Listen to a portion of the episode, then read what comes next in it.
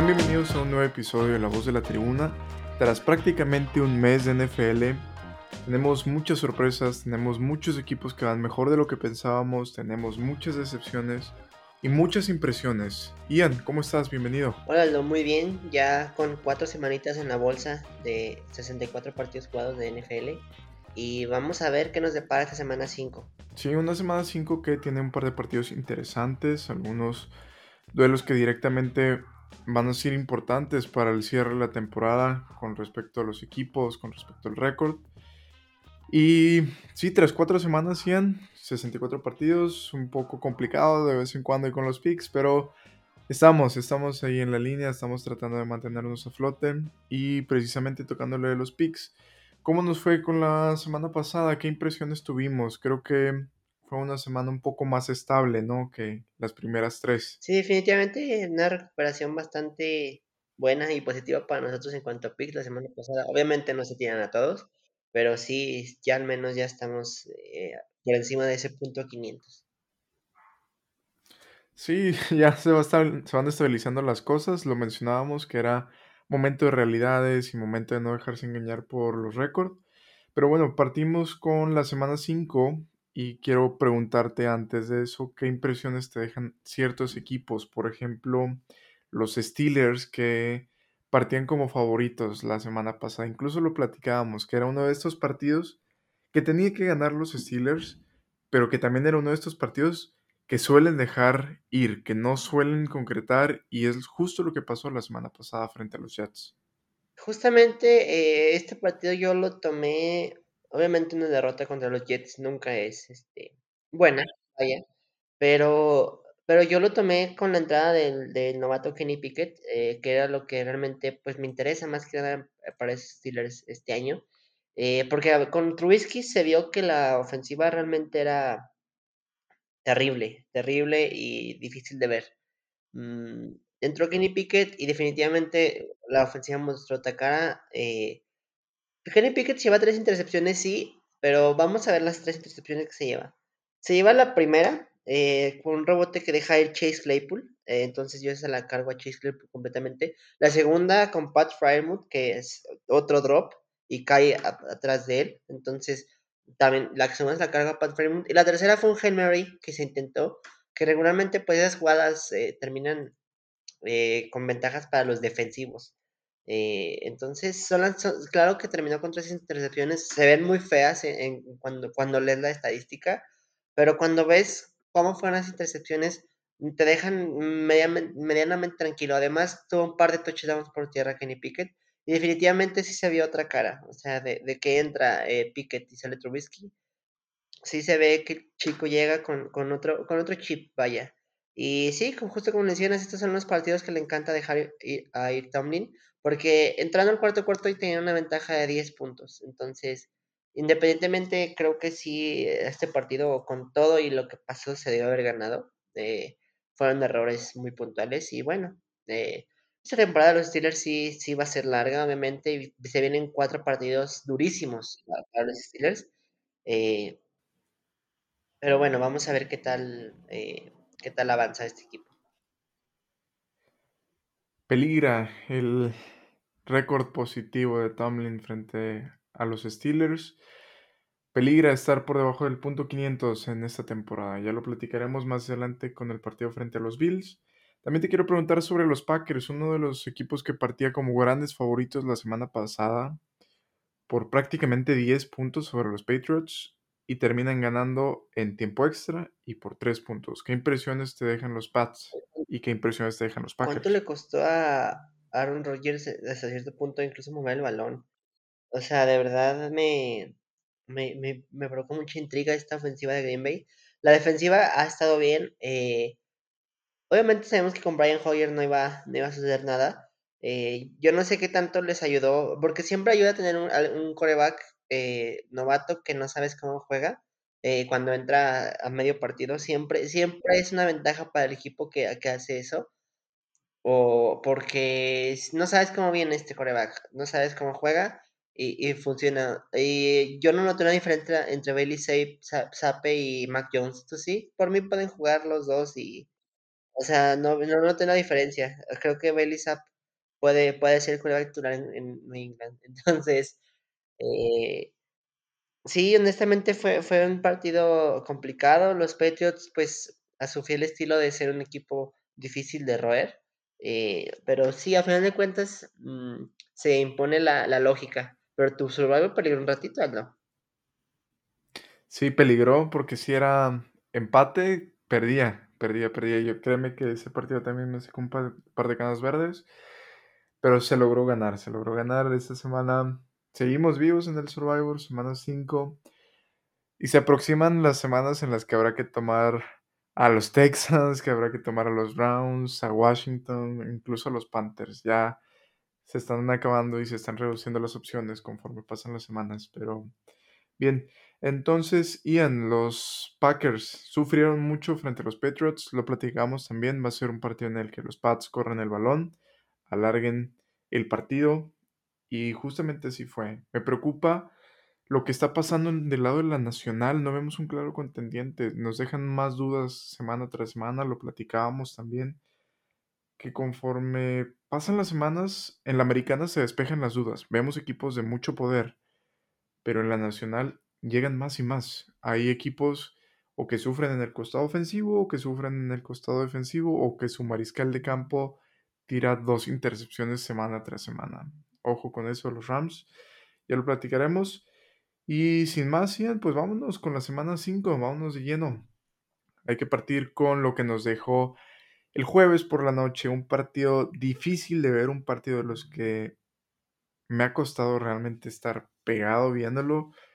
Un partido terrible. Los Colts vencen a los Broncos en el jueves por la noche de la semana 5. ¿Qué impresiones tienes de este partido tan mal jugado? Es que es de verdad una Ah, no sé cómo mencionarlo, es es de esos partidos que luego a veces dices que en mayo vas a extrañar el Indianapolis Colts contra Denver Broncos de la semana 4, y honestamente no, o sea, realmente no no no, este partido fue difícil de ver. Yo la verdad lo vi porque sabía que tenía que acabar el podcast, pero en algún momento solo quise dormirme, o sea, de verdad, fue fue un partido tan mal jugado, eh, y hasta cierto punto divertido a la vez por el hecho de de de la crítica y meterte a Twitter y ver tantas reacciones de esto, eh, fue lo divertido de este de este juego, pero no, o sea, ni un solo touchdown se pudieron anotar. Fue la primera vez en la historia de la NFL que cuando tienes 2 quarterbacks que que hayan ido al menos a 4 Pro Bowls, no logran anotar un solo touchdown en este encuentro. A puras patadas, literalmente vimos este encuentro, porque eso fue un encuentro a puras patadas. Y bueno, eh, 2 head coaches Nathaniel Hackett y Frank Reich, que Frank Reich está en la super en la super hot seat, o sea, Reich, yo dudo bastante que acabe la temporada de Indianapolis. Nathaniel Hackett estoy seguro que la va a acabar, pero si no hay playoffs para los Denver Broncos, que por lo visto es lo que pinta, yo dudo mucho de su continuidad, sobre todo por cómo está, eh, está funcionando el equipo. Y también, eh, tengo que cargar una enorme responsabilidad a Russell Wilson. Vienes, eh, pagan vienes de de Seattle, eh, de ya después de haber ganado un Super Bowl, pagan, un chorro por ti, entre ellos 3 picks de primera ronda,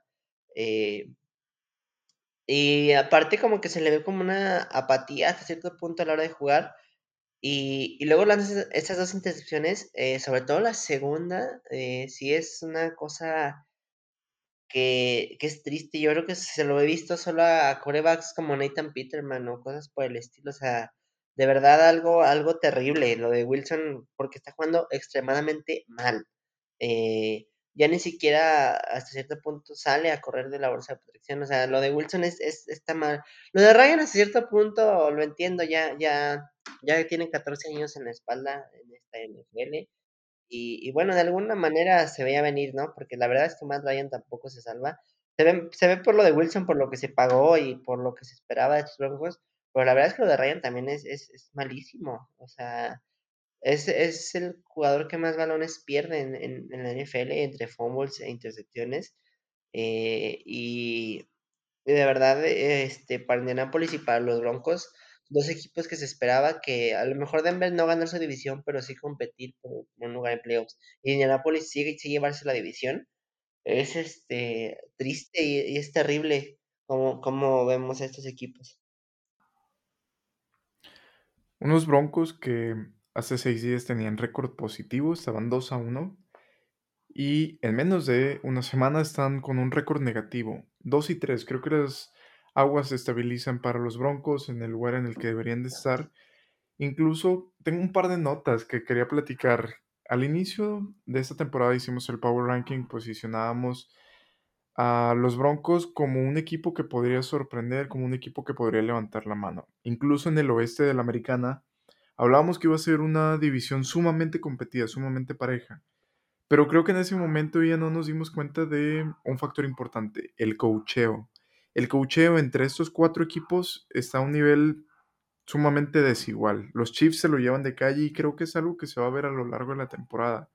Nathaniel Hackett, lo hemos visto, no ha funcionado y más que tener aciertos ha tenido errores claros. La parte de Josh McDaniels con los Raiders no termina de cuajar, no termina de convencer al grupo. Y pues ya, ya lo vemos con Brandon Staley también en los Chargers. No es un head coach que tome ciertas decisiones importantes eh, que sean correctas, que no se vaya por los puntos. Es algo que le cuesta mucho, que le cuesta mucho lidiar con las ventajas. Incluso la semana pasada frente a los Texans, casi se le va el partido. Y Andy Reid con los Chiefs, la experiencia que tiene ese head coach, es algo que hace notar bastante el escalón que existe entre ellos y los tres equipos de esta división.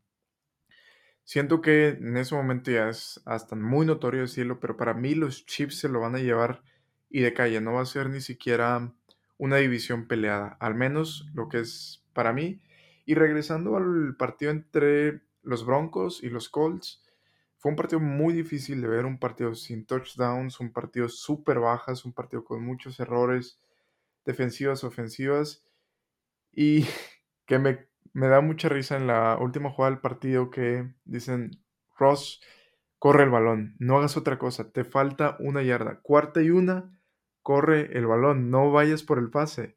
Y tiene mucho que ver con los flashbacks del partido entre los Seahawks y los Patriots en aquel Super Bowl que deja ir eh, Seattle, pero bueno, un partido muy complicado de ver, se estabilizan las aguas para los Broncos, que el récord no nos engañe, al menos era así en la semana 3, semana 4, y habrá que platicar de lo que resta de la, la jornada. No me convence mucho este equipo de Denver, va a sufrir bastante, y habrá que verlo. Otra noticia es que la semana siguiente los tenemos en prime time una vez más frente a los Chargers.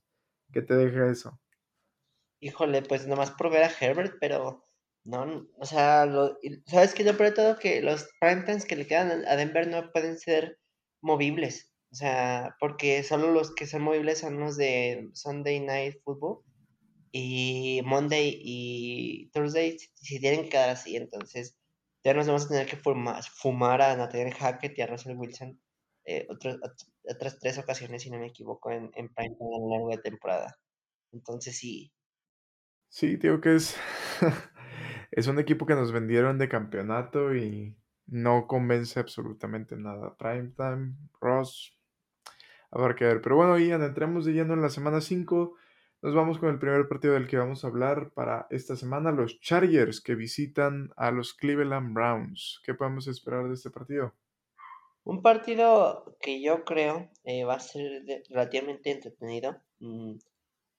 Bueno, mira, dos equipos, los Chargers ya lo comentabas, vienen de ganar eh, de manera relativamente cómoda, pero hubo un momento que estos Chargers se la vieron eh, negra. O sea, hubo un momento que sí, muy padre, íbamos ganando por más de, por más de 10 puntos. Eh, y de repente eh, los tuvieron a 3. O sea, estuvo cerca, estuvo cerca esta, esta charguereada que nos tienen acostumbrados.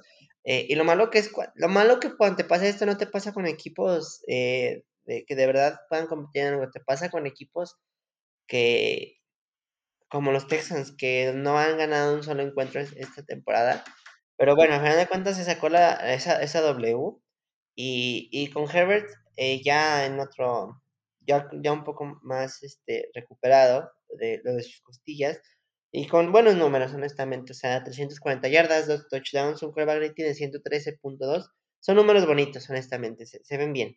Eh, además, algo que tengo que rescatar es eh, el hecho de que Eckler ya entró por fin a la zona de anotación otra vez, entonces eh, sí, sí es algo que hay que, que hay que tomar en cuenta porque tienen que recuperar ese juego terrestre que habían perdido. Aunque los Chargers están perdiendo piezas importantes, lo de Joey Bosa es, este, es preocupante, ya está en el, en el IR, se, se perderá al menos cuatro semanas, ya lleva una, veremos cuándo regresan. Del lado de Cleveland, que otros de esos partidos difíciles de ver, no tanto como el del jueves, pero también fue un partido bastante mal jugado, eh, en el cual pierden contra Atlanta. O sea, entendemos que Atlanta tiene ciertos jugadores que, que se pueden ver bien, pero pero per perdieron a su mejor jugador a la ofensiva en algún momento, eh, del partido con Cordarrelle Patterson, y aún así le siguieron corriendo, eh, extremadamente bien. El segundo corredor, Tyler Allgeier, corrió para 84 yardas en 10 acarreos, o sea, tuvo un promedio de de por acarreo de 8.4 yardas, es excelente, o sea, es como de una elite, y me sorprende que estos que estos, eh, Browns permitan tanto y se les vayan partidos como estos. Eh, ah, yo celebro, entre más partidos pierdan los Browns, yo, yo lo celebro. Yo espero que este equipo eh, le vaya muy mal 30 años más. Mm, pero sí, de- del lado deportivo, sí es este triste ver, ver este un roster con tanto talento.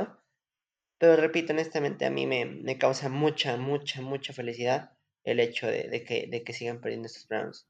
En este partido van, van de locales, un partido que yo creo que se va a definir por, por ataque aéreo, más que por juego terrestre, porque creo que los Chargers tienen, con todas las bajas que, que tienen en el roster, pueden parar más o menos a Nick Chubb y a Karim Hunt. Entonces yo me tengo que quedar con Los Ángeles para ganar el encuentro de visita. ¿Te compras la línea o no? Dos y medio la tengo yo aquí. Eh, pues un gol de campo creo que es bastante viable. Te voy a llevar la contraria Ian, en este pick, en el primer eh, pick contra, bueno, segundo pick contra de la semana. En, la- en el jueves por la noche tú traes Broncos, yo traía Colts. Por cuestiones mágicas sucedió, cuestiones inexplicables, pero pasó. En este partido siento que son dos ataques muy distintos. Los Chargers atacando únicamente por vía aérea. Es el peor equipo en ataque por tierra. Es el número 32. De verdad lo que corren los Chargers esta temporada es nada, es pésimo. Mientras que los Browns siento que está tratando de equilibrarse. Está no dándole tanto por el juego aéreo, pero tampoco su fórmula es el juego terrestre. Entonces siento que es algo complicado. Me gusta que la localía sea para los Browns en este partido. No sé si recuerdas la temporada pasada, un partido lleno de puntos, también fuegos artificiales, que fue entre estos dos equipos precisamente, cerca de 100 puntos. Quedó 47-42 a favor de los Chargers. Igual en la semana 5. Esta, esta temporada me gusta el over para ese partido. Siento que va a ser un partido de ir y venir, un partido muy entretenido de ver, pero me tengo que quedar con los Browns. Tampoco eh, sigo comprando mucho la idea de los Chargers o ponerlos en, como claros favoritos después de lo que vi la semana pasada contra los Texans. Es cierto que fue más por cosas que dejó de hacer este equipo más que por lo que hiciera el equipo de Texas. Entonces, me voy con los Browns. La semana pasada tenía los Falcons. Esta semana voy con Browns. Tú Chargers, yo Browns. ¿Qué, qué más hay que añadir de ese partido? Nada más creo que va a ser un partido también de, muchos puntos eh, y creo que va a estar entretenido este partido de- del mediodía. Sí, un partido de esos que nos gustan, un partido que en sí las eh, ofensivas se caracterizan por meter puntos, pero también las defensivas no suelen ser muy cerradas, no suelen ser defensivas de campeonato. Entonces siento que ser un partido muy amigable, un partido fácil de ver, como no hemos tenido en, en algunas semanas, pero vámonos con ese partido. Pasamos al siguiente encuentro, Ian. Tus Steelers que visitan a los Buffalo Bills en una línea grosera, una línea que está a favor de 14 puntos de los Bills. ¿Qué podemos esperar de este encuentro? ¿Muy alta, baja, justa? ¿Qué te parece? Es que realmente yo sí entiendo por qué esté así. Es que nos han mostrado caras completamente diferentes. lo comentamos en el, inicio del programa. Eh, Buffalo viene de una remontada bastante buena. Con ayuda de John Harbaugh, que también John Harbaugh creo que eh, está eh, a punto de entrar al hot seat con estos Ravens. pero más adelante hablaremos en, en ese partido. pero venir de 17 puntos de déficit deja mucho, muchas buenas impresiones alrededor de estos Bills. Mm. Y, lo que han mostrado estos Bills es completamente contradictorio a lo que nos han mostrado los Steelers en cuatro semanas. Eh, solo una victoria en la semana uno, tienen tres derrotas consecutivas y, contra equipos realmente sea, pobres en talento y, en, y en ejecución de, de, juego, que son los Jets y los, y los Patriots. Y los Browns, honestamente, también no, no es como que te hayan mostrado mucho, entonces cuando, ves que se enfrentan a un eh, equipo que se le considera el mejor de la NFL, es, es complicado ver el ver cómo los Steelers puedan ganarle a este, a este equipo. Y lo único que puedo decir de estos Steelers es, es ver cómo Pickett pueda seguir evolucionando. Y sí, en las últimas tres semanas los Steelers solo han conseguido tres sacks. En la semana uno consiguieron siete. O sea, la diferencia es que en la semana uno tuvieron a TJ Watt ahí. Entonces, esta defensiva es otra sin, sin TJ Watt. Y sí, siguen robando el balón y se ve padre y todo lo que tú me digas, pero, pero honestamente, no, fuera de eso, sobre todo, por ejemplo, en la última serie ofensiva de los Jets, eh, la defensiva fue arrastrada. la defensiva de los Jets fue arrastrada de manera fea. Y, es ahí donde, donde uno se realmente se pone a pensar qué impacto tiene Trent Jordan Watt en esta, en defensiva. Y sin él, realmente es una defensiva promedio. Eh, porque hace que los demás también jueguen. Eso es lo que, lo que, lo que hace TJ Watt con este, con este equipo. Y, y aunque la, la serie la lideran los Steelers por 17 a 11, el último partido de la semana 1 del año pasado lo ganaron yo veo muy complicado que puedan sacar este partido. La línea no la compro, o sea, 14 puntos de local y todo que me digas, me parece, me parece sí ser bastante. Eh, esas líneas tan grandes nunca, nunca me gustan eh, para, para, tomarlas. Pero, mm, pero creo que, que, vamos a ver eh, la evolución de Pickett. Y es lo que honestamente este año me interesa de, de Buffalo.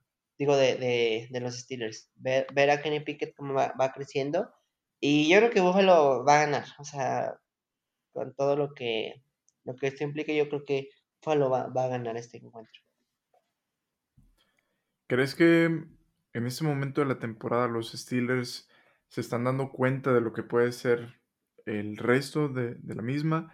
Y decir, ¿sabes qué? Vamos a darle desarrollo a Piquet en lugar de aspirar más por postemporada. ¿O es una manera de aspirar a, a postemporada. ¿Cómo lo ves? Yo creo que en la cabeza de Tomlin, es él dice es una manera de aspirar a, temporada. En la cabeza del gerente general y del dueño es una, es una, este, es una manera de decir, ¿sabes qué? Vamos a darle desarrollo a Kenny Pickett y vamos a ver cómo, cómo le podemos armar el equipo para el siguiente año.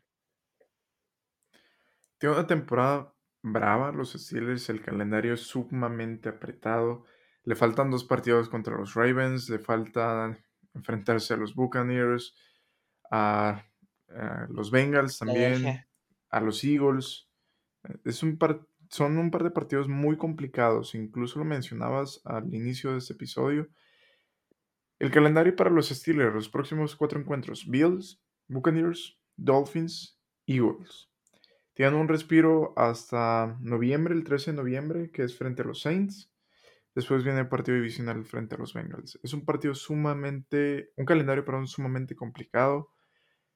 De prender las alarmas y con el récord que tienes, más aún. Te vas 1-3 y les va a costar la derrota de la semana pasada frente a los Jets. Y va a empezar a ser eco en ese equipo. Me gusta los Bills a ganar notoriamente, pero la línea no la tomo. Es un partido de, de esos que te saltas, que digo Mejor lo veo de lejos y no me meto. Y sí, siento que es un partido sumamente desigual, muy desequilibrado. Y los Bills que regresan a casa después de haber tenido solo un encuentro con su gente en su cancha.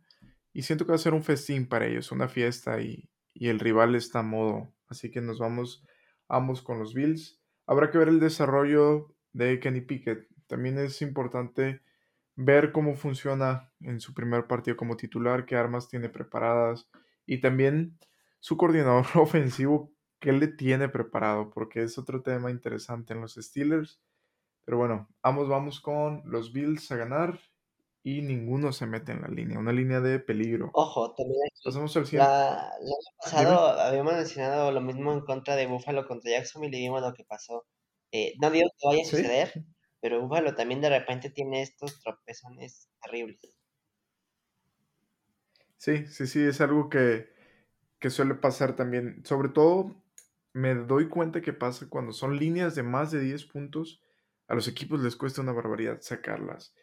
Y es algo muy común, sobre todo porque los underdog dicen, ok, no tenemos nada que perder, nadie está con nosotros, vamos a jugar. Y juegan muy bien, entonces es un partido del que no nos metemos para nada en la línea, no nos gusta nada, incluso el over. Yo no lo jugaría, ni el over ni el under. No sé cómo vaya a funcionar esta ofensiva de los Steelers con Kenny Pickett. Prefiero ver el partido de lejos y ya después analizar datos, números y ver cómo, cómo es que carbura esta ofensiva, si carbura o no. Pasamos al siguiente partido, Ian. Los Dallas Cowboys que van ganando y van ganando bien. Sin Dak Prescott visitan a Los Ángeles Rams. ¿Qué podemos hablar? Eh, quisiera empezar a hablar de Los Ángeles Rams. Oye, qué, qué feo se vio este encuentro en contra de San Francisco. San Francisco los dominó, los, dominó terrible, o sea, eh, y sin mucho, mucho esfuerzo, vaya, o sea, honestamente yo nunca vi un momento en que dijera, los Rams van a regresar en este encuentro. No, de verdad, eh, vi un partido triste para estos Rams y Stafford está jugando muy mal, o sea, fuera de que lo capturaron siete veces eh, la semana pasada, eh, el hecho de que, porque también la línea ofensiva no le dio nada, pero sigue tirando intercepciones ahí un poco extrañas eh, y, la defensiva no tuvo como parar al ataque terrestre de estos 49ers. Y sí, honestamente se ve una, un, fue un claro dominio de los 49ers a los Rams y sí me preocupa porque en estos cuatro partidos no he visto uno solo que digas, no, estos Rams van a repetir, van a estar ahí. Y yo creo que los Rams están lejos de, poder competir eh, otra vez por un Super Bowl. O sea, sobre todo porque Stafford no se ve igual que el año pasado. Y del lado de Dallas, pues la semana pasada no tuvieron un, examen fuerte. Eh, pero aún así hay estos juegos hay que ganarlos, sobre todo cuando son divisionales, ¿no? Y pues obviamente Copper Roach se ve, se ve muy bien, se, ve muy bonito. eh, Incluso yo veo a los aficionados de Dallas poniéndole encima de Prescott. Ok. Eh, cada quien tendrá sus, criterios para, poner un coreback titular. Pero si, si Copper Rush les parece un coreback que pueda llevarlos a algo importante, no tengo ningún problema porque lo sigan usando de aquí hasta que, de que los haga campeón en Super Bowl. Porque Cooper Rush va a ser el MVP del año. Este. No, ya en serio. Eh, sí, es que es que tenemos que analizar mm, qué jugadas le pones a Prescott y qué jugadas estás teniendo con, con Rush. A Rush le pones pasos cortos, eh, donde, donde no le, tienes exigencia alguna para, para, que se, para que se arriesgue y pueda cometer algún error. Y con Dak eh, buscas que Dak brille. Y con, Dak, y con Rush buscas que Rush no brille para que los demás hagan más trabajo, vaya. Y eh, esto, el Copper es la definición perfecta de un game manager, o sea, va, va, por ahí la, la, situación con estos Cowboys, que van 3-1 completamente merecidos, sin duda alguna, o sea, no, no tengo ningún, ningún este, reparo al decirlo, van bien, eh, el hecho de que sin su titular vayan 3-1 es, un, es una gran victoria, pero de eso a decir que Copper Rush es más que Dak Prescott, honestamente, sí me parece mm, risorio y, solo el hecho de pensar eh, que hay gente que, ya no quiere a Prescott de regreso. O sea, entiendo su hype, pero en cuanto Copper Rush empiece a tirar intercepciones, en cuanto lo necesiten que dé un poco más, ahí es cuando van a decir, Dak, te extrañamos, Dak. Eh, en cuanto pierda su primer partido. Exacto, porque así hacen devolver los aficionados de Dallas. O sea, y creo que esta semana llega ese primer derrota para Cooper Rush. Eh, en esta visita al SoFi Stadium contra los Rams. Sí, una línea que parte a favor de 5.5 a favor de los Rams. Va a ser un partido interesante, sí, por lo que se juega en la nacional, pero en donde yo veo dos cosas muy distintas. Veo un poco mejor a los Rams, y es cierto, lo, lo de Matthew Stafford no está jugando nada bien la temporada pasada, era totalmente distinto. No estoy seguro de si está liderando o no esta temporada en intercepciones, pero no me causaría la mayor sorpresa. Entonces, siento que los Rams están más en el papel de favoritos por otras cuestiones, más que por lo que han estado haciendo, más por ser el equipo campeón, más por el respeto que se les tiene. Porque te aseguro que si los Rams no hubieran quedado campeones, esta línea hubiera sido muy distinta. Hubiera estado incluso en dos y medio a favor de, bueno, a favor de ellos. O sea, dos y medio, máximo tres. Siento que se le está respetando mucho al campeón aún. No ha demostrado lo que mostró en temporadas pasadas. No se ve incluso la misma solidez.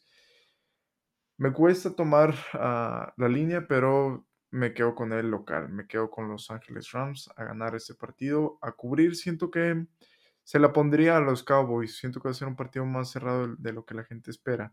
El único partido de la temporada en que los Rams me han demostrado cosas positivas, siento que fue contra los Cardinals. Y es porque son los Cardinals, el rival que tenían enfrente. Entonces, esta semana me quedo con ellos, los compro.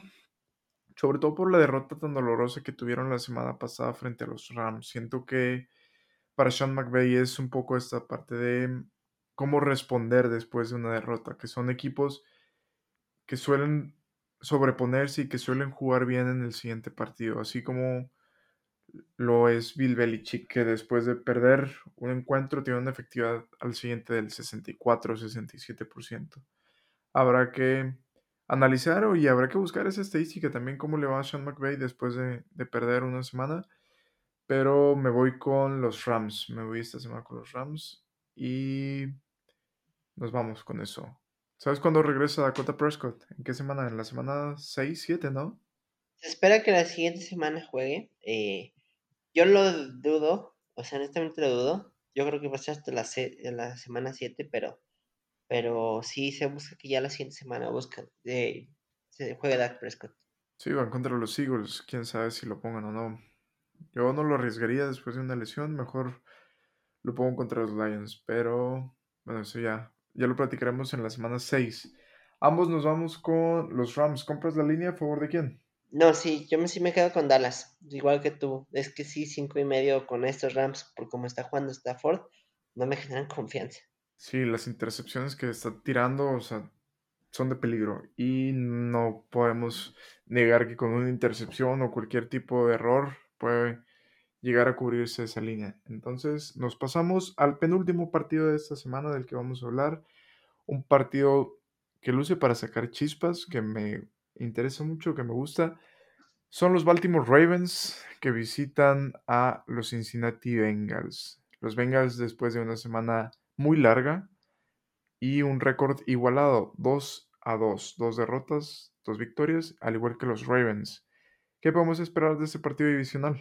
Mira, creo que ven, Cincinnati viene de una derrota, este, de, perdón, de una victoria súper importante, eh, porque quitaste eh, un invicto. Eh, siempre que pasa esto es, es algo alentador para, para tu roster, para, para, el equipo. Y la manera en que lo quitaste, vaya, sabemos desgraciadamente lo que pasó con Tua, mmm, que no se le desea a nadie, además la imagen es terrible, es, terrible cómo, cómo se, se, se, retuerce después del golpe eh, que recibe. Mm, pero, pero pues entra Teddy Bridgewater más o menos ahí juega, juega un poco. Se equivoca en la intercepción otra vez. Eh, pero más de 10 puntos, o sea, por, por, por todas las bajas que ha tenido Miami, sacarle una ventaja de 12 puntos a estos Dolphins eh, es, es importante desde, desde, mi punto de vista y, y, y es grato de ver. Entonces, eh, me gusta mucho también lo que he visto de T. Higgins. Eh, para, por mucho mi jugador favorito de Cincinnati es, es T. Higgins. Eh, lo, muchos tienen como incluso el receptor número 3, el 2. Eh, para mí es, es, es, un jugador muy sólido. Sabemos la conexión Chase Burrow. pero Higgins eh, a veces se nos olvida que también está ahí y, y lo, lo, bien que, lo bien que juega este, este, este tipo. Y, y bueno, creo que Cincinnati se va embalando. Eh, también la protección a, a Burrow ha, ha, mejorado bastante en estas últimas dos semanas. Eh, solo permitieron un sack y Miami es un equipo que le gusta presionar al coreback y lo hace bastante bien porque tiene también personal para hacerlo. Eh, y solo consiguieron un sack y, entonces creo que la línea ofensiva más o menos va, va empezando a parecerse a lo que esperábamos en el inicio de esta temporada. Y respecto a Baltimore, lo mencionaba hace un momento en el partido de Buffalo, mmm, no puedes dejar ir esas ventajas de 7 puntos porque ya te pasó esa, esa estupidez en contra de Miami, ya, ya, te ha pasado. Y honestamente este partido lo perdieron por puro coaching. O sea, lo de Harbaugh de verdad ya, ya es preocupante porque el año pasado dejó ir dos partidos así, eh, el de Green Bay y el de los Steelers los, dejó ir porque quería hacer conversiones de dos puntos, no le salieron y tenía el punto para empatar. Entonces, sí me preocupa bastante lo que estoy viendo de estos Ravens y lo que estoy viendo de Harbaugh. Eh, sí, claro, juega a ganar y lo que quieras, pero no está bien, o sea, no, no me gusta, o sea, no me gusta porque tienes que saber leer eh, el partido en qué momento haces esto, el situational football.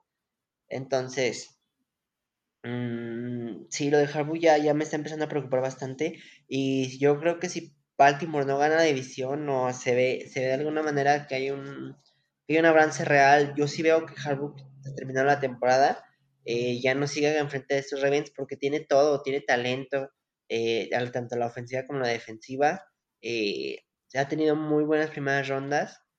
Eh, el caso más reciente con Tyler Linderbaum y eh, Kyle Hamilton de Notre Dame.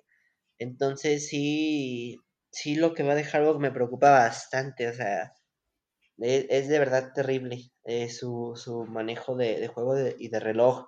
Porque ya van dos semanas este, este año. Eh, si le vuelve a pasar, híjole, yo sí, yo creo que se acaba la temporada y se acaba de era a John Harbaugh. Después me, me, parece que Harbaugh es de los head coaches que más tiempo tienen. Según yo es el tercero, después de Tomlin y de Belichick, que en activo con su equipo. Mm, si no me equivoco, Harbaugh llegó por ahí en 2011, 2010 a, a Baltimore. Y, y, ya ganó Super Bowl y todo, pero, pero sí, eh, este tipo de decisiones dejan mucho que desear. Sí, dos ventajas muy amplias en cuatro semanas jugadas. Estás hablando de prácticamente la mitad de los partidos. Bueno, estás hablando de la mitad de los partidos. Los Ravens han perdido o han estado debajo del marcador, me parece que menos de dos minutos en las cuatro semanas que se han disputado. Eso te habla de dos derrotas que han sido por errores y que han sido de último minuto, que no han sido eh, grandes derrotas que no han sido palizas, sino que han sido errores puntuales al cerrar el partido, al hacer uso del reloj, y es algo que preocupa. Esta semana los Ravens son favoritos por más de 3 puntos, por 3.5. A mí no me gusta esta línea, me gustan los Ravens a ganar, pero no me gusta sinceramente la línea. Siento que eh, Cincinnati puede hacerle bastante daño por aire a, a, estos Ravens. También la secundaria de los Ravens no ha mostrado cosas buenas. Siento que es un punto que hay que analizar, que hay que estudiar todavía para este equipo que no logra cojarlo. Y con lo que mencionas también, los Ravens al inicio de la temporada los poníamos muy alto en el Power Ranking. Incluso tú los tenías como número 2 de, de la conferencia americana. Siento que ha bajado un par de escalones, sobre todo por el cocheo porque es un equipo explosivo que se ha visto bien, que ha puesto puntos sobre la mesa, que ha tenido victorias, sí, frente a los Jets y frente a los Patriots, pero que también, por ejemplo, frente a los Dolphins se vio bien y que era un partido que tenía que ganar sí o sí, que fueron errores puntuales de ellos y frente a los Bills, pues también los Bills los vimos bajo la presión por primera vez durante mucho tiempo, respondieron bien y siento que algo que le está pasando a este equipo de los Ravens es que cuando tienen una amplia ventaja, ok, ponen su freno de mano, no caminamos más.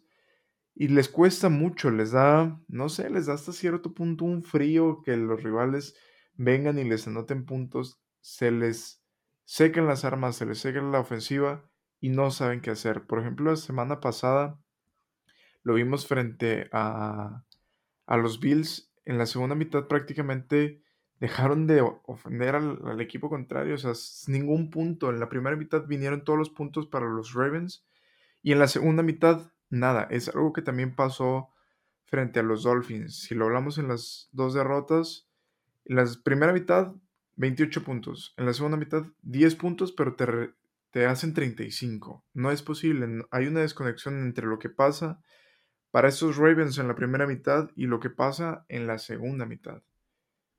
¿Tú en qué posición tendrías estos Ravens en este momento de la temporada en tu Power Ranking? Híjole, yo creo que yo sí los bajaría como a un séptimo, octavo lugar aproximadamente.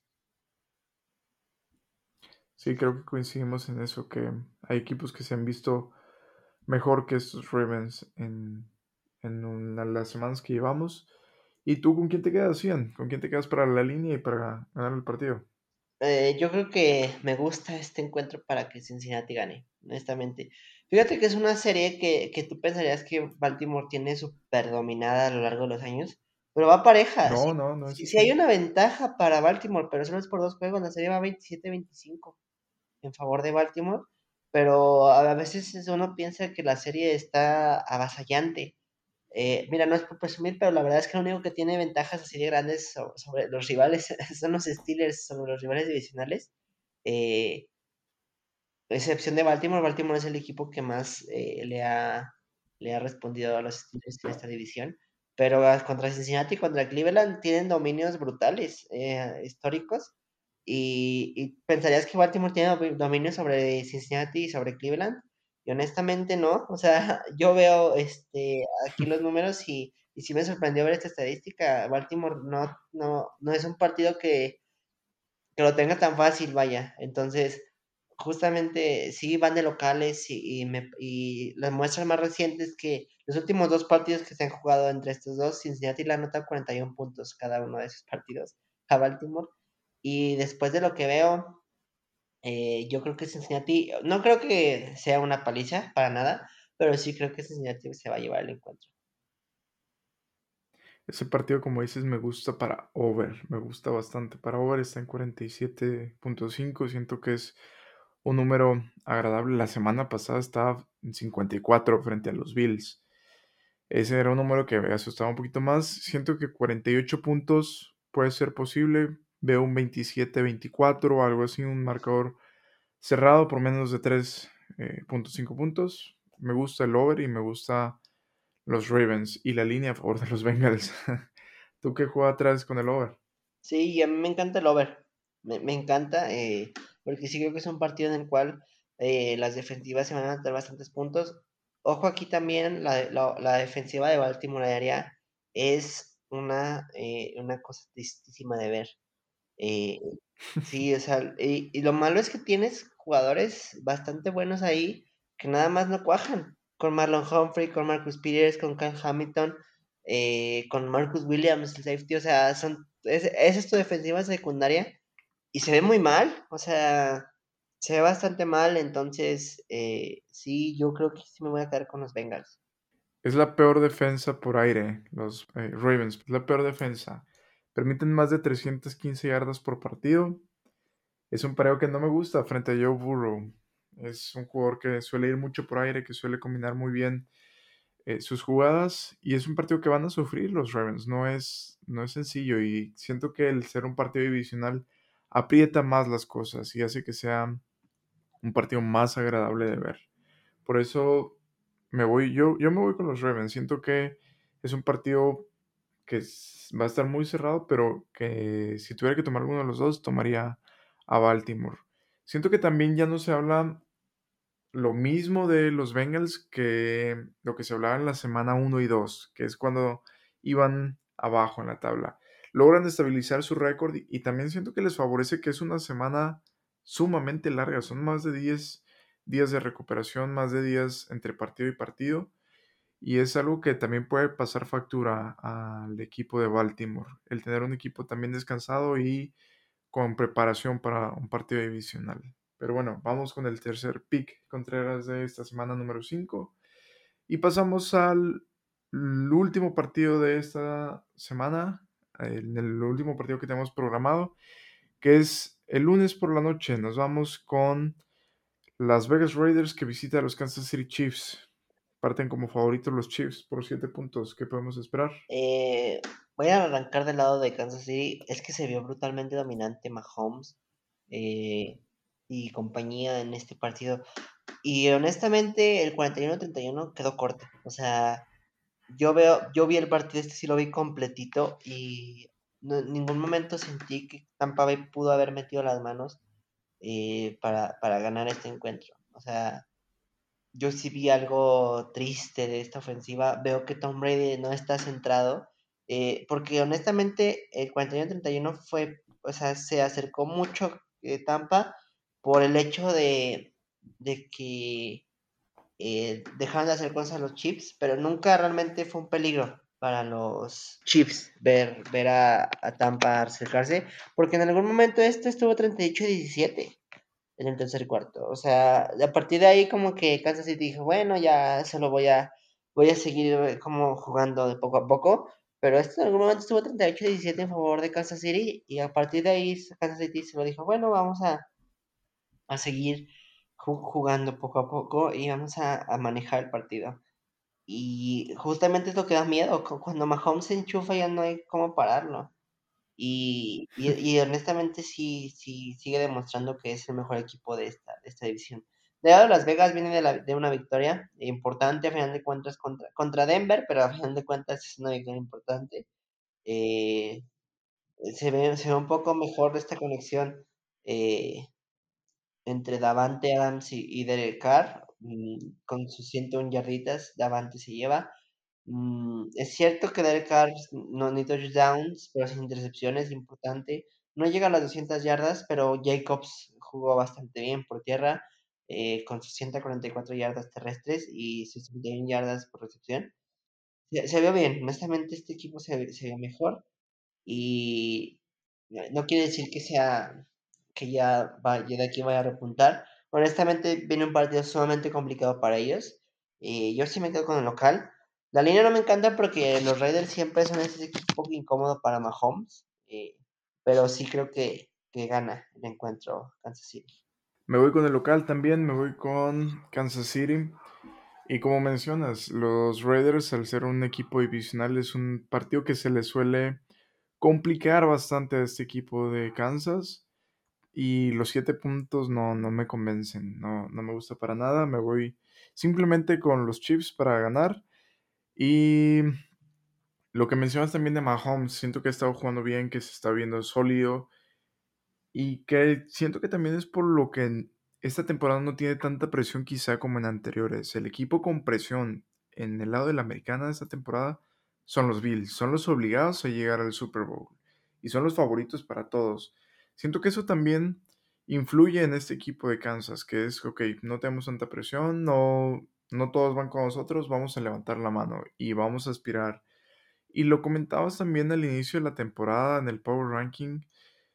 Los Chiefs con Andy Reid en temporada regular es un equipo bastante sólido que no se le suelen ver flaquezas. Siento que así va a ser esta semana un equipo eh, bien armado, bien aceitado y que va a ganar, que va a, ganarle a los Raiders en, en esta semana me voy con el equipo local. Los Raiders, una mejoría, sí, de lo que había sido las tres primeras semanas. Se les va una, una victoria de las manos, se les escapa frente a los Arizona Cardinals, pero fuera de eso no se habían visto bien. Siento que la semana pasada frente a los Broncos, de alguna u otra forma logran recuperar, aunque sea un poco el camino y no estar pues con cero victorias. Van 1-3, esta semana van 1-4 para mí. Uh, ¿Algo más que añadir de este partido, Ian? Pasamos a los picks. Pasemos a los picks, Aldo. Vámonos, iniciamos con el domingo muy temprano a las ocho y media de la mañana, partido que se juega en Londres, partido en cancha neutro. Los New York Giants frente a los Green Bay Packers. ¿Con quién nos vamos? Dos equipos que sorpresivamente van 3 a 1. eh, ya me voy a quedar con Green Bay para ganar el encuentro. Ah, vamos con Green Bay ambos. Ambos tenemos a, a- a Green Bay. Nos vamos con los Steelers frente a los Bills en casa de Buffalo. ¿Con quiénes Yo vamos? creo que Buffalo. Buffalo se lo lleva, ambos nos quedamos, la línea no nos gusta, no nos metemos ahí. Y pasamos un partido muy entretenido, domingo al mediodía. Los Chargers visitan a los Browns. Superchargers. Vamos con los Chargers, yo voy con los Browns. Y otro partido que luce interesante también, seguramente para ti, porque son tus Jaguars que reciben a los Houston Texans. ¿Con quién nos vamos? Honestamente, este partido, hasta para línea me gusta para Jacksonville. O sea, siete puntos, creo que sí la pueden llegar a cubrir. Siete puntos, yo me voy con Jacksonville también. Pero la línea me voy con los Texans. Siento que es un partido, pues también es un partido divisional en una división en donde no hay un claro dominante. Siento que en la historia de esta división ha sido repartir, repartir y repartir los partidos. Y tampoco, te- bueno, me sorprendió un poco si ganan los Texans, pero tampoco mm, sería la mayor sorpresa para mí de la semana si, si el conjunto de Texas logra vencer a, a Jacksonville, No, de hecho, soy los sincero, sobre todo por ser un partido divisional. nos ha ganado Houston. Sí, sí, sí, es lo que te digo. Tien, tien- sí existe un dominio de parte de Houston, sobre todo a Jacksonville, pero en el general de la división es repartir partidos 1-1, 1-1, 2-0 esta temporada y la siguiente me recupero. Entonces, eh, no tomaría como Survivor Ah, no, no, como definitivamente a los. Jaguars, No, no, no. o sea, y, y sobre todo por la gente que se fue en el Survivor en la semana 1 con, con los Colts frente a los Texans. Pero bueno, yo no lo tomo como Survivor, me quedo con los Jaguars y la línea a favor de los Texans. Entonces, vamos iguales. Siguiente partido, nos vamos hasta Minnesota que recibe a los Chicago Bears, un equipo que se ha visto tristísimo y si te soy sincero, para mí en este momento es el peor equipo de la NFL, los Chicago Bears. Y su récord bien engañoso. ¿Con quién te quedas? Sí, su, sí, su récord bastante engañoso. Y sí, yo me quedo con Minnesota. Vámonos con Minnesota, ambos. Lo que se ha visto de Justin Fields también poco o nada se ha visto triste el equipo. Un equipo que no carbura nada por aire, que le cuesta muchísimo anotar, que le cuesta muchísimo incluso mover el balón. Peligro para, para estos Bears que seguramente ya están viendo más para la próxima temporada. La línea 7.5 a favor de Minnesota, ¿la compras? Mm, híjole.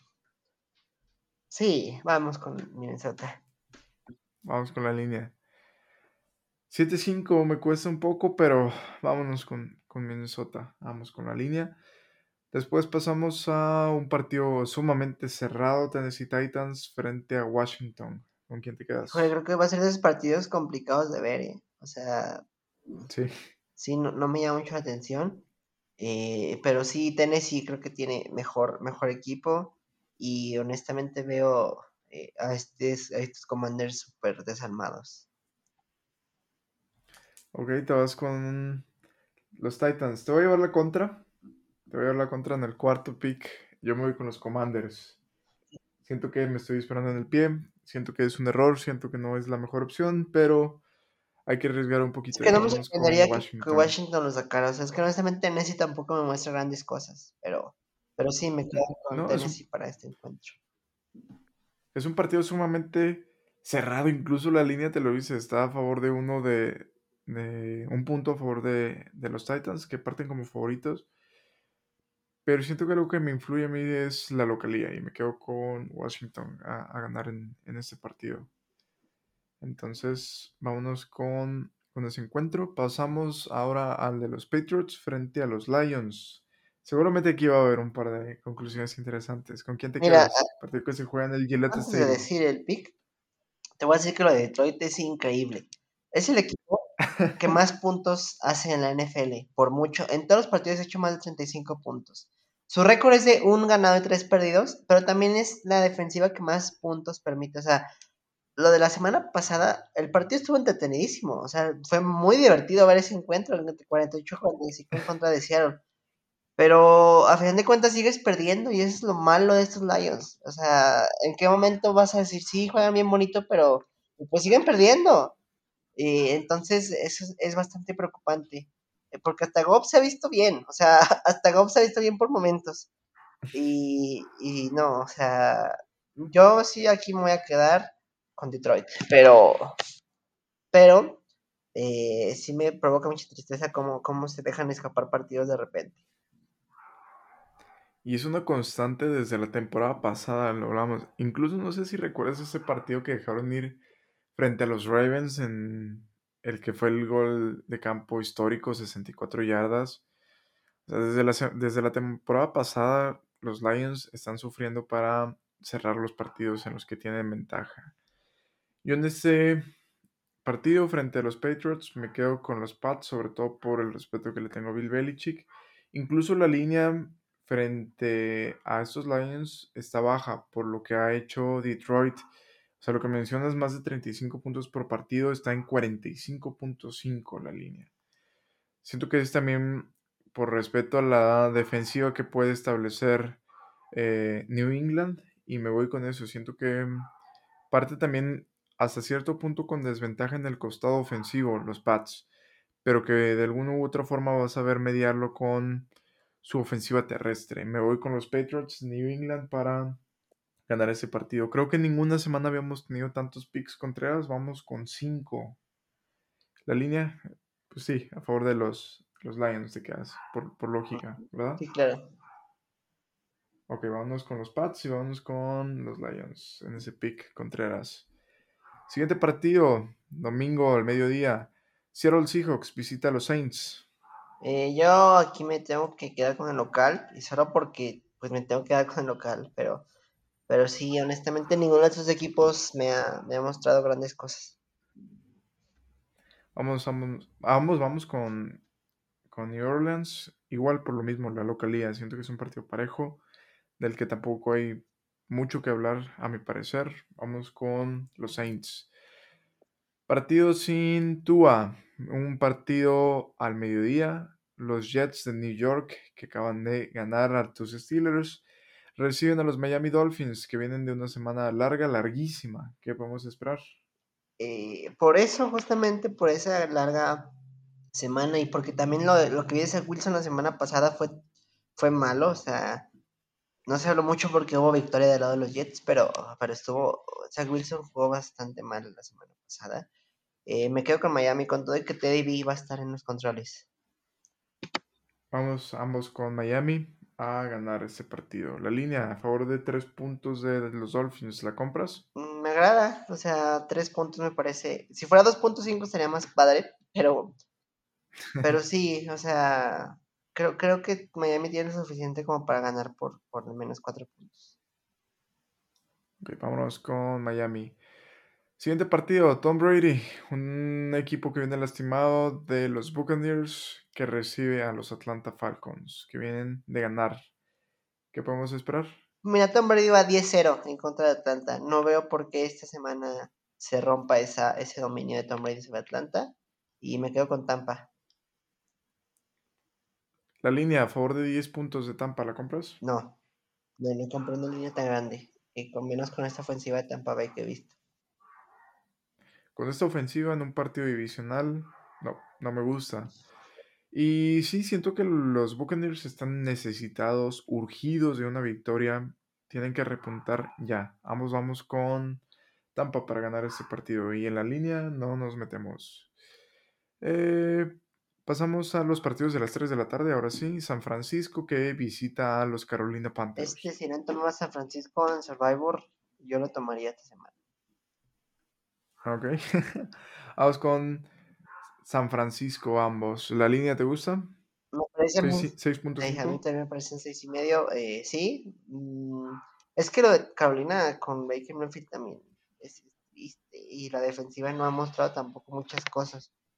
Mm, por riesgo ya no apostaría tanto, porque creo que ya tomé varias líneas, pero tampoco me parece descabellada. Ok, vámonos, vamos con San Francisco.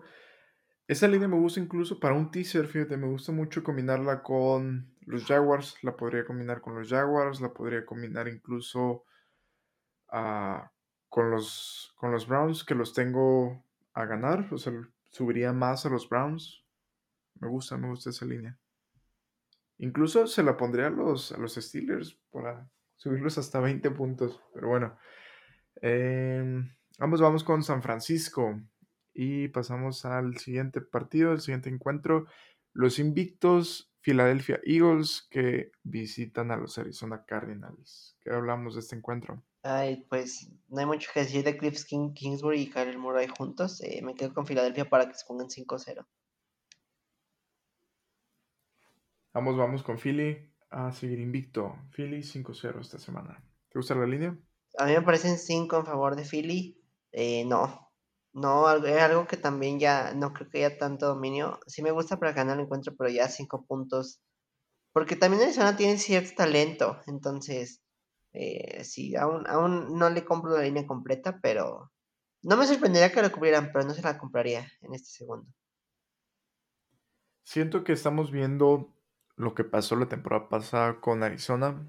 Quizá no de la misma manera, pero sí muy parecido a un equipo invicto que se enracha y todo el mundo lo pinta como el favorito a llegar al Super Bowl, como es en este caso los Eagles, pero que en algún momento de la temporada va a llegar una regresión y una regresión fuerte, una regresión que realmente haga ver a estos Eagles para qué están, para qué instancias están hechos. Siento que esta no es una temporada en la que puedan campeonar, no es una instancia siquiera... Bueno, viendo las cosas en la nacional, quizás sí llegan a una final de conferencia, pero no más allá. Siento que va a ser una regresión al igual que pasó la temporada pasada con los Cardinals después de ese 7-0. Pero esta semana no es la regresión. Me voy con Philly a ganar. A ganar y a cubrir. No, no me metería definitivamente en esa línea. Pasamos con los partidos de el cierre de la jornada. Cowboys frente a los Rams en Los Ángeles. ¿Con quién vas? La victoria se queda en casa, esa W, LA. Vámonos ambos con los Rams. Partido divisional, Baltimore recibe a los Bengals. Cincinnati se lleva la victoria a casa. Pique Contreras, vámonos con los Ravens. En el último encuentro de la semana 5, Las Vegas Raiders visita a los Kansas City Chiefs. ¿Con quién vas? Kansas. Vamos, vamos con Kansas y nos quedamos en un total de 5 pick. Contreras. Y me falta el Survivor, me falta el Survivor. Voy con los Bills, los Bills a, ganar. No me importa por cuánto, no me importa si es por uno, no me importa si es por 100. Pero con que ganen, me voy con, el Survivor esta semana. Y se aprietan. ¿Tú quién tomarías? Yo esta semana, eh, si seguiría vivo, yo creo que tomaría o a Green Bay o a San Francisco.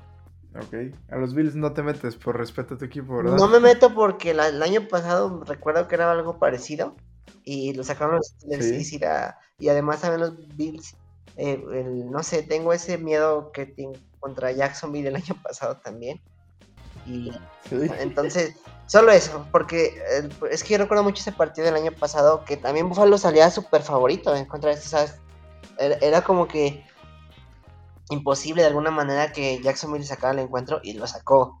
Entonces, solo, solo por eso no tomaría, porque Buffalo tiene de repente estos tropiezos terribles y afortunadamente, eh, pues solo por eso no los tomo. No, no tanto porque sean los Steelers, sino por eso. Sí, un partido frente a los Jaguars la temporada pasada que no hubo ningún touchdown tampoco, o sea, fueron goles de campo, 9-6. Pareciera que están jugando béisbol. Exacto. Entonces, pues bueno, yo me voy con, los Bills a ganar y eso fue la semana 5 con los picks, con todas las reacciones de la semana 4, con las impresiones y con todo lo que había que hablar de la NFL, la mejor liga del mundo. Sin más, Ian, ¿algo que añadir? Es que disfruten esta semana de NFL.